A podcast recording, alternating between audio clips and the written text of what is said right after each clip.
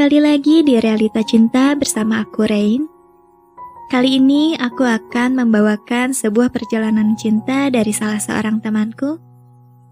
Terima kasih sebelumnya sudah berbagi dengan YSR. Oke, kita mulai ceritanya.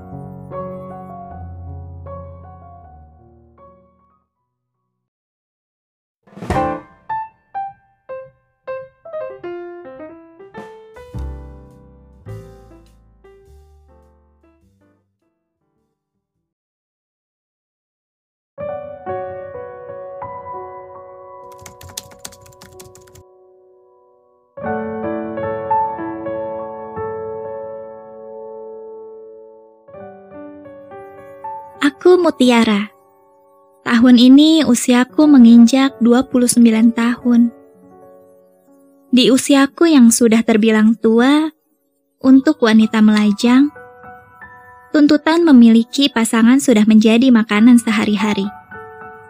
Sebenarnya aku bukan wanita yang tidak laku. Dan aku juga bukan wanita yang terlalu pilih-pilih dalam memilih pasangan. Namun kisah cintaku yang dulu berakhir tidak menyenangkan membuatku sulit untuk merasakan cinta kembali kepada seseorang. Rasa takut hal serupa sudah mendarah daging dalam diriku.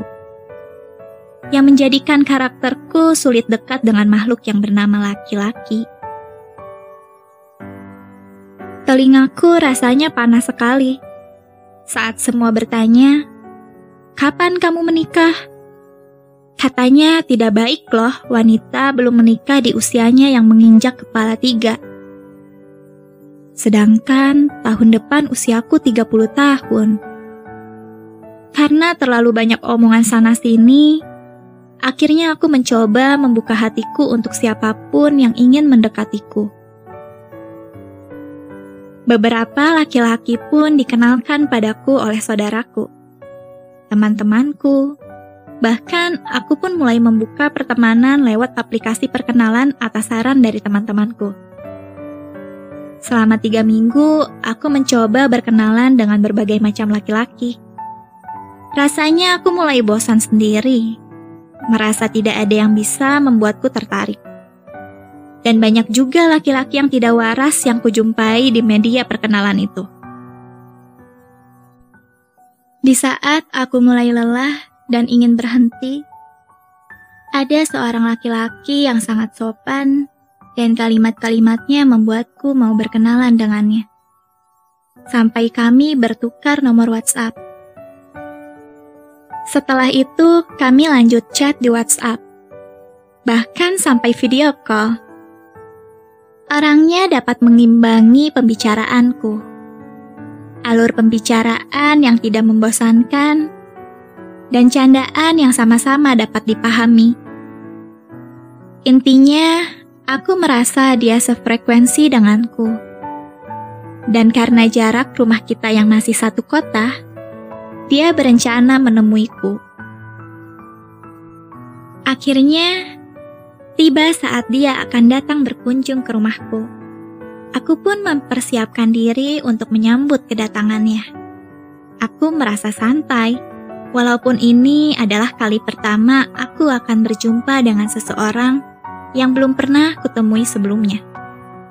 Karena menurutku, di foto dan video call sih biasa saja. Jadi aku merasa masih bisa menghadapinya. Saat dia tiba dan keluar dari mobilnya, aku sungguh terkejut. Jantungku seketika berdebar kencang aku mulai merasa gugup. Dia benar-benar berbeda.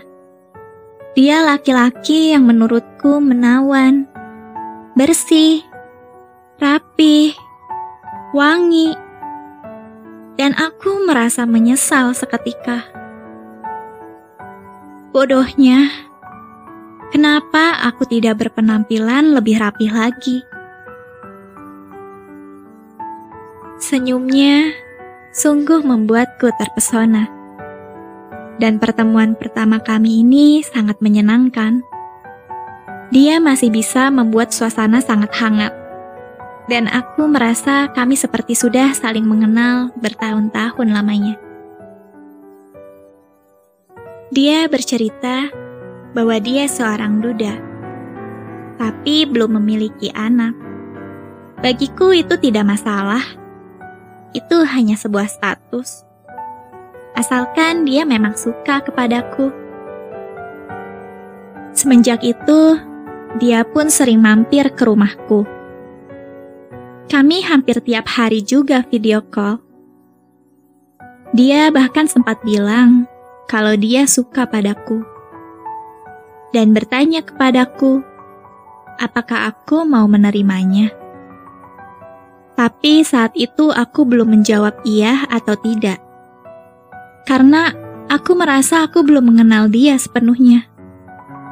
Walaupun hatiku tak kusadari, entah sejak kapan sudah dicuri olehnya. Setiap hari, aku selalu menunggu pesan atau telepon darinya. Rasanya aku sedang jatuh cinta.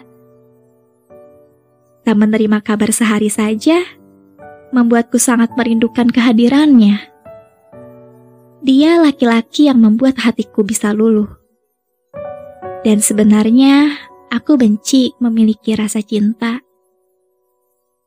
Karena ketika rindu, sungguh aku tidak kuat menanggungnya. Dua hari, aku tak dapat kabar apa pun darinya. Aku merasa sangat sedih. Biasanya, dia yang menghubungiku terlebih dahulu. Dan kini aku memberanikan diri untuk meneleponnya melawan rasa gengsiku sendiri. Panggilanku tak terjawab olehnya. Lalu aku mencoba menghubunginya kembali, dan tetap tak terjawab. Aku pikir mungkin dia sudah tertidur, karena waktu pun menunjukkan jam 11 malam. Dan aku pun mencoba memejamkan mataku agar bisa tertidur. Namun tak lama ponselku berbunyi. Ada sebuah pesan masuk. Aku bergegas membuka pesan dari dia. Senang saat melihat pesan masuk dari nomornya. Tetapi aku bingung saat membaca isi pesannya. Ini siapa? Isi pesan itu. Pikiranku mulai tak karuan Firasatku buruk saat itu. Tapi aku mencoba menenangkan hatiku. Kau tanya siapa sih? Aku balas pesannya. Aku mencoba berpikir kalau dia sedang bercanda. Dan tak lama, aku pun mendapatkan balasannya lagi. Ini siapa? Tengah malam telepon ada apa? Suami saya sedang tidur. Membaca pesan itu membuat telingaku berasa terbakar. Tanganku lemas, dadaku terasa sakit. Namun air mataku tak menetes sedikit pun. Suami, dia istrinya. Sejak kapan? Selama ini aku lancar berkomunikasi dengannya Selama ini video call dengannya pun serasa dia memang masih sendiri. Lalu bagaimana bisa? Pikiranku penuh dengan pertanyaan-pertanyaan yang tak dapat jawabannya. Lalu aku menyuruhnya membuktikan kalau dia memang istrinya. Dan dia mengirim foto pernikahan mereka yang baru digelar beberapa bulan lalu. Saat dia bertanya, "Aku siapa?" dan ada urusan apa, aku tak membalasnya lagi. Aku sudah kehilangan semangatku. Letih. Dan rasanya ingin tertidur berharap semua ini hanya mimpi. Saat ku terbangun, ada tiga panggilan tak terjawab darinya.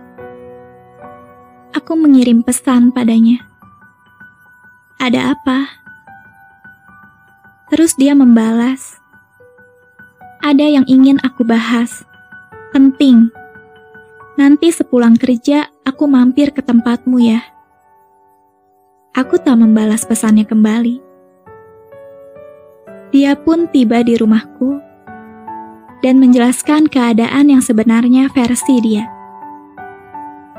Dia berkata, dia dari awal tidak pernah memiliki rasa pada istrinya, dan dia merasa lebih nyaman padaku. Dia berpikir suatu hari nanti dia bisa bersamaku. Saat ini dia hanya bertanggung jawab pada kehamilan istrinya, yang konon katanya bukan anaknya. Aku mendengarkan semua ceritanya yang entah kebenarannya seperti apa. Ingin sekali aku menjauh dan melupakan. Tapi ternyata aku tidak sanggup. Aku masih merindukan kedatangannya. Aku masih ingin bersamanya. Dan aku masih mencintainya. Cintaku jatuh di tempat yang salah.